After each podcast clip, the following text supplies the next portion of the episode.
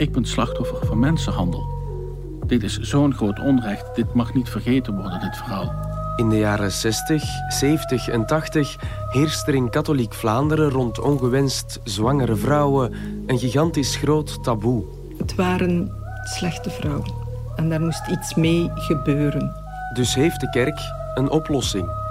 Mijn moeder heeft niet gekozen voor mij als adoptie af te geven. En soms gaan ze zelfs verder. Ze hebben mijn kind verkocht. Er wordt vandaag de dag massaal over gezwegen. Ja, in de kerk is dat. Zwijgen. We weten van niets. Aan de hand van moedige getuigenissen brengt deze HLN-podcast het verhaal van de kinderen van de kerk. Mijn naam is Achille van Ingelgem en ik maak deze podcast samen met Féline Franceus. En wij zijn Achille en Féline. U kent ons niet hoor, maar we hebben een kort vraagje. Vier afleveringen lang duiken we in dit stukje vergeten geschiedenis. Dit is aflevering 2. De kinderen. Goedemiddag, mag ik jullie iets vragen? Wij maken een reportage over Huis Tamar. Weet Huis jullie? Tamar, ja, dat weet ik. Dat is wel Lommel hier, hè? Ja, ja. Want die zwangere vrouwen vroeger. ja wat weet Samen met Féline ben ik in een geschiedenis gaan graven die veel groter is dan we eerst dachten. Meer dan 30 jaar lang werden zwangere vrouwen opgevangen in tehuizen, zoals dat van Tamar in Lommel.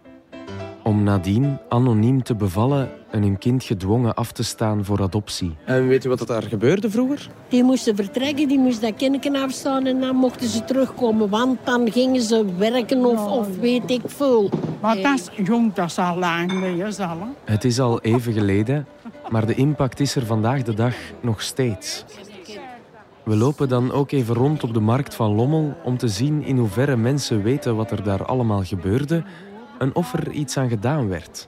Dat was een opvangtehuis voor zwangere tieners, dacht ik, ja.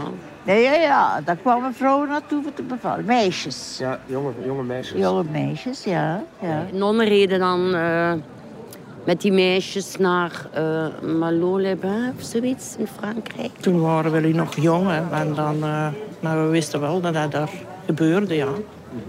En eh, die moesten daar dan onder dwang hun kinderen afstaan, dat weet ik wel. Het lijkt erop dat de mensen in de buurt wel degelijk wisten wat er zich achter de muren van het tehuis afspeelde.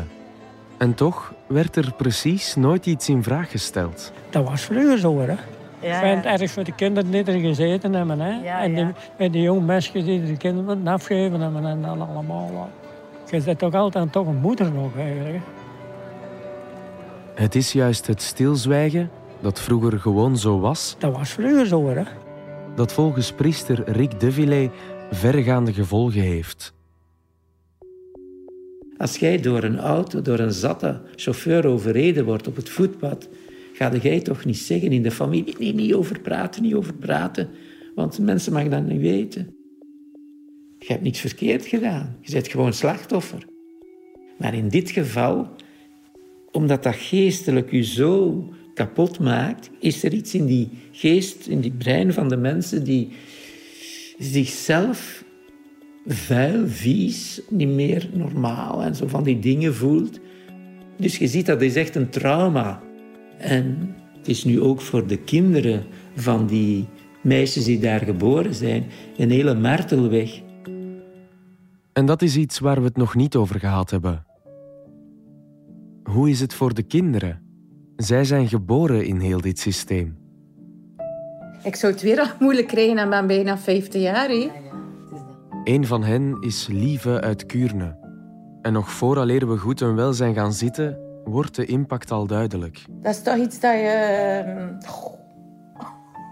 dat je voor de rest van je dagen eh, dat je meedraagt.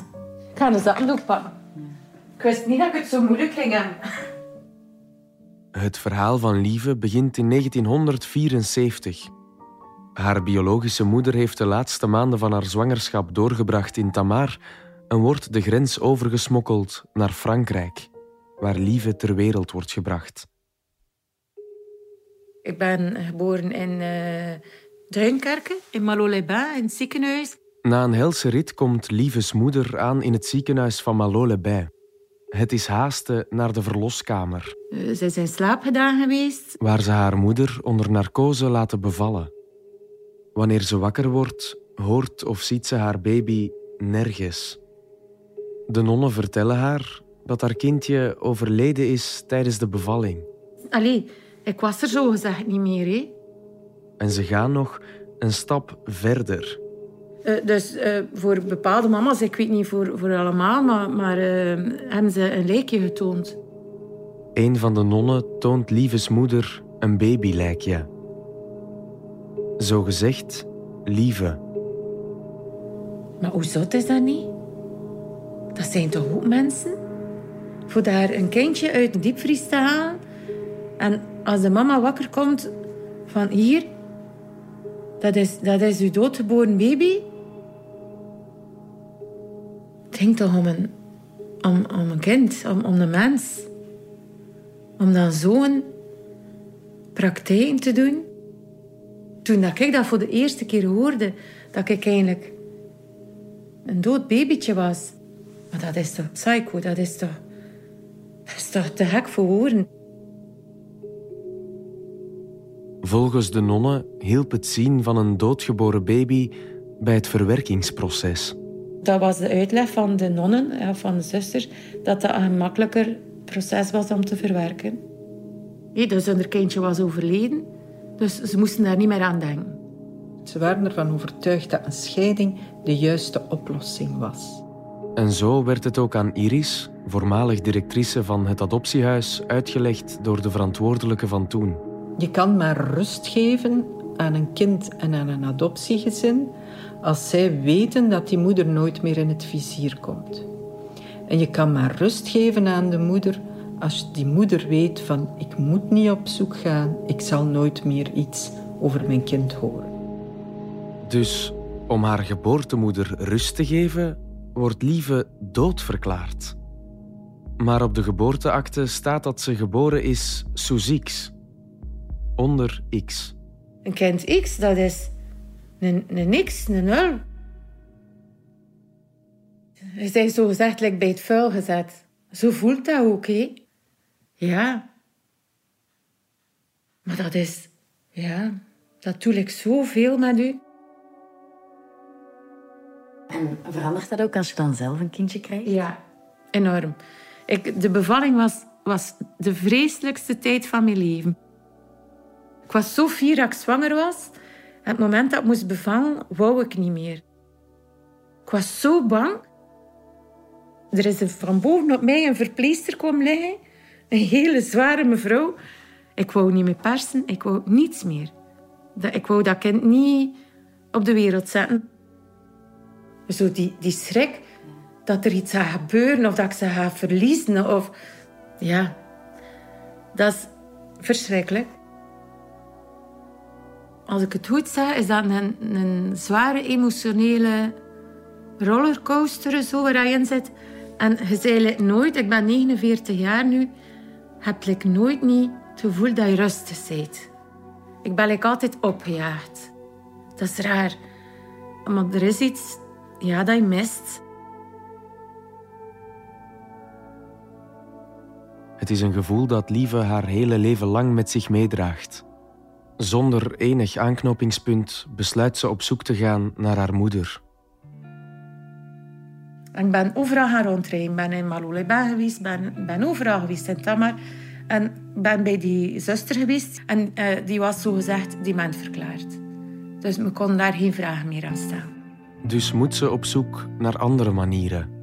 Ik had een artikeltje gezet in, in een tijdschrift. Met resultaat. Want niet veel later... Kreeg ik een berichtje van iemand. En uh, die persoon zei, ik denk dat ik weet wie dat je mama is. Samen met voormalig adoptiehuis De Visserij wordt er een kennismaking op poten gezet. We hadden uh, een ontmoeting in Antwerpen waar dat de schuif is voor de vondelingskus. En we gingen daar elkaar eindelijk uh, ontmoeten. Dus we zijn daar naartoe gereden. Ja. Tijdens de lange rit van Kuurne naar Antwerpen spoken er voortdurend vragen door haar hoofd. Lijk ik op haar? Welke kleur van ogen heeft ze? Heeft ze dezelfde interesses? Moet ze ook een bril dragen? Waar woont ze? En wie is mijn vader? En hoe dichter ze Antwerpen nadert, des te meer gieren de zenuwen door haar lijf. Dat was heel spannend. Wanneer ze aankomt in het adoptiehuis, wordt ze naar een kamer geleid. Dat was dus een vrij onaangenaam kamertje waar je in moest. En je wist like al, je voelde dat like al. Van, ja, ze gaat hier niet zijn. Helaas wordt haar gevoel bevestigd. Haar biologische moeder kiest ervoor om niet naar de ontmoeting te komen. Er stond daar een doos Kleenex en daar lag daar een brief. En daar moet Lieve het mee doen. Beste Lieve, ik heb jouw brief via het bureau goed ontvangen. Ik begrijp dat je na het verlies van je adoptieouders op zoek gaat naar iemand die jouw gemis kan opvullen. Je ziet er een zacht en lief persoon uit, die met veel liefde is opgevoed. Nu zou je mij graag ontmoeten, maar ik kan, wil jouw behoefte daaraan niet opvullen. Er zijn zoveel jaren voorbij gegaan, jaren waarvan ik zelfs niet wist van je bestaan. Ik heb na al die jaren dit alles ook een plaats gegeven. Heb een gelukkig gezin en familie. Ik hoop dat je mijn keuze hierin respecteert.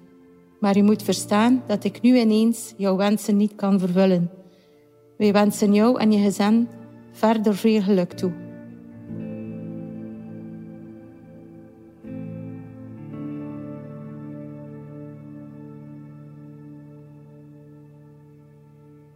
En wat denk je dan als je dat leest? Het eerste die in mij opkwam was, zij heeft dat niet geschreven. Ik ben zelf mama. Ik zou dat toch niet kunnen tegenover mijn kind. Zo'n afwijzing. Ik denk dat die dochter en haar partner daar voor iets in zitten. En snap je dat? Snap je dat? Nee. Maar snap je dat die dochter misschien zoiets heeft van... ik wil mijn mama daarvoor beschermen? Voor het verdriet dat naar boven gaat komen? We houden dat potje nog langer dicht. Ja, ja het is heftig. Voor haar ook, hè. Ja. Plots hoort ze zei van... Zij is daar nog, hè. Dat is toch ook... Plots, ze leeft nog. Allee, hoe, hoe, hoe, hoe zot is dat niet voor die mensen ook? Ze, ze hebben toch heel veel aangericht. Er is in het verleden heel veel aangericht. Ook bij Ulrich. Mijn moeder heeft niet gekozen voor mij als adoptie af te geven. Net als Lieve ging hij op zoek naar zijn biologische moeder. En dan uh, ja, een brief geschreven. Met de nodige verontschuldigingen van... ja, excuseer, ik ben op zoek achter mijn moeder. Als het nu echt niet is, dan begrijp ik het wel. En bla, bla, bla. Drie dagen later kreeg ik een brief terug. Hoe komt je aan mij mijn adres? En, en dat klopt niet, mijn kind is dood. Allee, ik wil wel dat je moeder vindt, hè, maar deze, deze is niet juist. Mijn kind is dood en dit en dat. 25 jaar lang leeft zijn geboortemoeder met het idee dat haar kind kort na de geboorte overleden is. Heel erg wanend, heel bang. En ik bang. En ik er nog toe. Met een klein hartje voor de zoveelste afwijzing staat Ulrich in het centrum van Antwerpen voor de deur van zijn biologische moeder. En uh, ja, daar heb ik ze ontmoet. Klein madammeke in een sociaal woonhuis. En dan, ja, ja, ben ik uw moeder niet, hè? Maar allee, kom maar mee naar boven. Kom, allee, kom.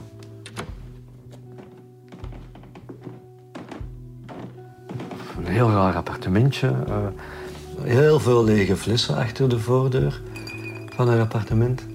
En dat was voor de dieven tegen te houden, want die, dan hoorden ze die binnenkomen als die s'nachts... Ja, sowieso psychisch niet, niet... Ja, na een iets wat ongemakkelijke eerste ontmoeting zetten ze zich neer aan tafel. Erover beginnen babbelen, maar, maar ja, ik was haar kind niet, dus...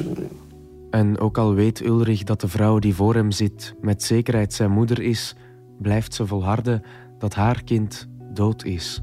Ja, wie was mijn vader dan? Dat weer dat wel eens aangeraakt, dat dat dan de vader van haar dood kind was, een binnenschipper en dergelijke.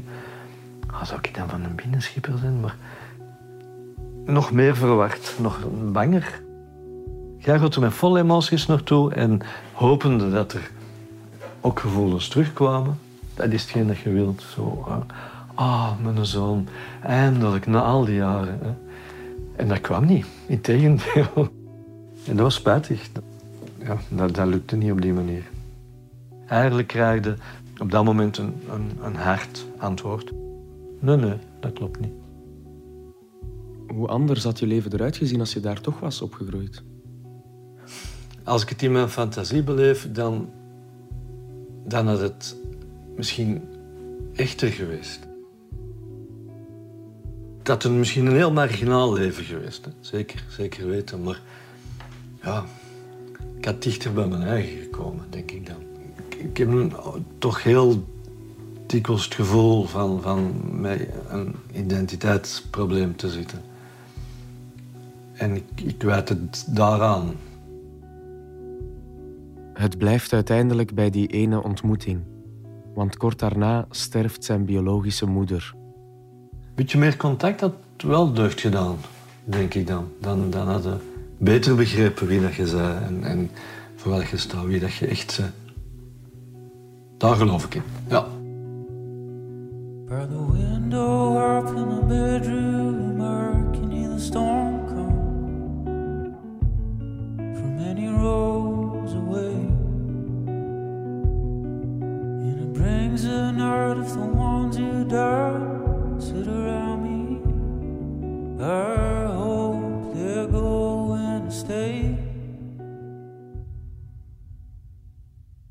Voor Iris, voormalig directrice van het adoptiehuis, klinken deze verhalen enorm herkenbaar. Wat mij zo opviel soms van vrouwen die naar onze dienst belden, uh, vrouwen die twintig jaar daarvoor een kind hadden afgestaan, die belden en in het begin konden die niet zeggen. Het was alsof die vrouwen geen taal ontwikkeld hadden om het daarover te hebben als je altijd binnen zo'n taboesfeer gezeten hebt en dat dermate onderdrukt hebt, dan moet je eerst leren om woorden te vinden om dat uit te drukken, dat diep, diep verdriet. Gelukkig kent deze geschiedenis ook hoopvolle verhalen. Wel, ik ben Filip Hoed, ik eh, ben 59 jaar. Ook Filip is geadopteerd en in tegenstelling tot de andere getuigenissen liep bij hem het eerste contact met zijn biologische moeder wel heel goed. Je merkt dat direct. Uh, mijn vrouw zei direct, oh, dat, is, dat is de echte moeder. Maar 55 jaar lang moest hij het zonder die echte moeder stellen. Ik ben vroeger terechtgekomen uh, in, bij Bambino in Schoten, van Therese Wente. En mijn moeder was nogal vroeg uh, bevallen en in die tijd mocht dat niet. Dus dan ben ik in Frankrijk geboren en uh, dadelijk afgenomen en dan ter adoptie uh, afgevoerd. Philippe komt terecht in een welgestelde apothekersfamilie uit Schilde. Om geld was er geen gebrek, dus uh, ik, heb, ik heb een goede jeugd gehad. En hoewel zijn adoptieouders er nooit echt een geheim van maken dat hij geadopteerd is... Ja, ze hebben mij dat verteld als ik een jaar of vijf, zes was, denk ik, dat ik geadopteerd was. Ja wordt er nooit echt over gesproken. Er werd gewoon niet, niet over gepraat. Alleen als, uh, als er eens wat spanningen waren of zo, of zo dan zeiden ze: oh, ik, uh, we doen nu terug naar van waar je komt. En, uh. Dat zeiden ze? Ja. Maar dat vind ik wel hard. Ja. En toen heb ik ook gezegd: oké, okay, doe maar, maar terug. En, oh, klaar, hè. Zelf, ja, je spreekt er niet over, maar je zit er wel mee in je hoofd. Hè. En dan haalt Philippe een grote oude kaft boven, waarin een oud verfrommeld documentje zit. Zijn geboorteakte. Roger Philippe, geboren te Malo-les-Bains, Frankrijk, op 29 april 1964, van Franse nationaliteit, waarbij verklaard wordt dat het aangenomen kind voortaan de familienaam Goed zal dragen zonder toevoeging van zijn eigen naam.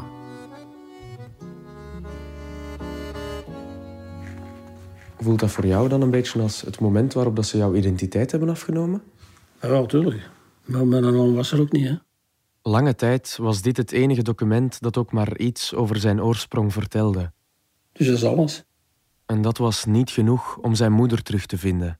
Ik ben geboren in Frankrijk, ja, dat wist ik, maar... Dus ja, waar, moet ik gaan zoeken? Dus, uh... Maar dat weerhoudt hem niet om verschillende pogingen te ondernemen. Zo meldt hij zich aan bij een DNA-databank, schuimt hij verschillende adoptiehuizen af en gaat hij zelfs langs bij het stadsbestuur. Maar telkens vangt hij bot. Die kunnen geen informatie verstrekken, ja, dan stopt het natuurlijk. Hè. Totdat zijn moeder ook op zoek gaat. We waren op weekend geweest en uh, ik kwam thuis en er zat een brief in de bus. Ik kreeg een brief van uh, adoptiebureau in, uh, in Wallonië. Dus dat mijn moeder daar was geweest en dat ze een afspraak wilde regelen. En of dat ik dat zag zitten en zo. Dan heb ik direct naar daar gebeld. Ik zei, ik moet geen afspraak regelen. Ik zeg, geef daar een telefoonnummer. En ze hebben dan een telefoonnummer gegeven. Hè. En dan heb ik die gelijk opgebeld. En weet je nog de eerste woorden wat je tegen haar zei? Dag moeder. Het is het zuinetje hier. Hè. Ze zegt, uh, ik heb iedere dag aan u gedacht. ja. Zo'n warm eerste contact is lang niet vanzelfsprekend. Dat geldt ook voor Peter. Dan heb je jarenlang elkaar niet gekend. Je hebt andere levens gehad. Je hebt andere opvattingen. Hij werkt nog steeds aan de band met zijn moeder. Dan word je terug bij elkaar gezet. Dat heeft tijd nodig. Want wat is dat een kind en hoe ga je met een kind om? Maar ook hoe ga je die vrouw die je biologische moeder is, een rol geven in bijvoorbeeld jouw gezin? En wat vaak heeft de adoptiemoeder al een rol in het gezin. Hoe ga je dan om met die andere vrouw? En dat is dus nog altijd een uitdaging. Ik ben geboren in het uh, moederhuis Tamar in Lommel. Begin de jaren 80 wordt Peter geadopteerd door zijn adoptieouders. Zijn adoptiepapa is Nederlands, zijn adoptiemama Belgisch. Samen met hen groeit hij op in een klein dorpje in België. Ik ben opgegroeid met het verhaal: je moeder kan niet voor je zorgen. Ze heeft in alle liefde afstand van je genomen. En je bent opgegroeid in een heel liefdevol adoptiegezin. Maar ik heb in die tijd ook niet geweten wat, is er echt, wat heeft er echt plaatsgevonden in Tamar. Om dat te weten te komen, heeft Peter er zijn levenswerk van gemaakt om uit te zoeken wat er zich jaren geleden heeft afgespeeld. Zowel voor zichzelf als voor anderen heeft hij intussen kasten vol dossiers verzameld. Ik heb zelf ooit met een uh, kinderverzorgster gesproken die in Tamar heeft gewerkt.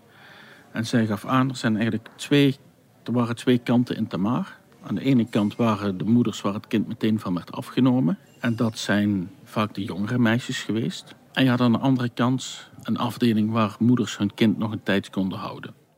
Peter en zijn moeder behoren tot die laatste groep. Het eerste jaar van zijn leven is hij dan ook bij mijn biologische moeder gebleven. Alleen dat is ook een afdeling geweest waar eigenlijk heel veel. De moeders werden heel erg gepusht om naar adoptie over te gaan. Dus de nonnen die daar werkten, die zeiden van. Uh, die stimuleerden om het kind af te staan. Wat zijn geboortemama ook doet, de nonnen blijven beweren dat een welgesteld gezin beter zou zijn voor Peter. En dat ging met verhalen als: wat kun jij het kind nou bieden? En kun je niet beter het kind afstaan? En er is een liefdevol gezin voor het kind. En jij, jij kunt niks voor het kind betekenen. Een jaar en twee maanden brengt Peter met zijn geboortemoeder door in huizen Tamar. Ze is nog zoekend in haar weg om een mama te zijn. Maar de nonnen praten voortdurend op haar in. Het zou volgens hen pas echt van liefde getuigen als ze Peter loslaat.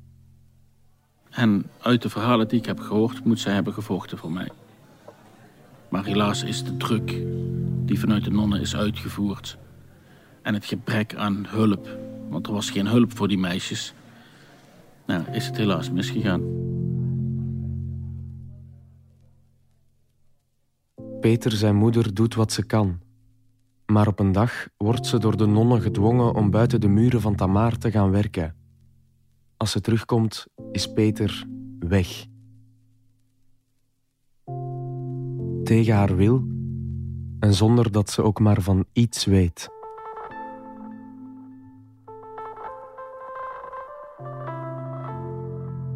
Jaren gaan voorbij en Peter groeit ver van zijn moeder op in een goed adoptiegezin. Hij weet al van jongs af aan dat hij geadopteerd is, maar hij leert ook snel dat zijn adoptie iets is waar beter niet over gesproken wordt. Dus het gebeurde af en toe nog wel eens dat dan een bepaalde papa van een klasgenootje heeft gezegd van nou weet je wat er met Peter aan de hand is? En dan kreeg je op de speelplaats soms te horen van jouw mama is niet jouw mama, jouw mama is niet jouw mama. En werd je ermee gepest. En dat heeft toch wel invloed gehad, omdat dan ook vaak de docenten zeiden van en hier gaan we het niet over hebben, hier mogen we niet over spreken. En dat is bij mij wel altijd een idee geweest van oeh, ja, het taboe, de schaamte en steek het maar weg. Praat er maar niet te veel over. Denk er maar niet over na. Maar 40 jaar later wil Peter het onderwerp wel bespreekbaar maken. Ik ben het slachtoffer van mensenhandel. En dat is geen leuk verhaal, maar dat is wel de waarheid. Voor heel veel mensen is dit heel pijnlijk. Ja, maar voor de slachtoffers is het nog pijnlijker. Maar mensen vinden dit een eng verhaal, vinden dit een pijnlijk verhaal. Men wil dit liever niet horen. Ik heb hier niet voor gekozen. Een biologische moeder heeft er niet voor gekozen. Dit is opgedwongen. Maar wij zitten met het probleem. Wat er heeft plaatsgevonden in die tehuizen was mensonerend en had nooit mogen gebeuren. Ze hadden mij niet weg mogen halen bij haar. Ze hadden haar moeten helpen om te zorgen dat ze een goede mama kon zijn voor mij. Ze hadden haar moeten helpen met voor mij te zorgen, haar leven op te bouwen. Maar er is geen geld aan te verdienen. Het kind afpakken en verhandelen, daar kon men wel geld aan verdienen. Dit is zo'n groot onrecht, dit mag niet vergeten worden, dit verhaal. Ja, die zusters die moeten wel uh, zich goed uh, rijk geboerd hebben. Over de ruggen van mijn biologische moeder, van mijn adoptieouders en van mij.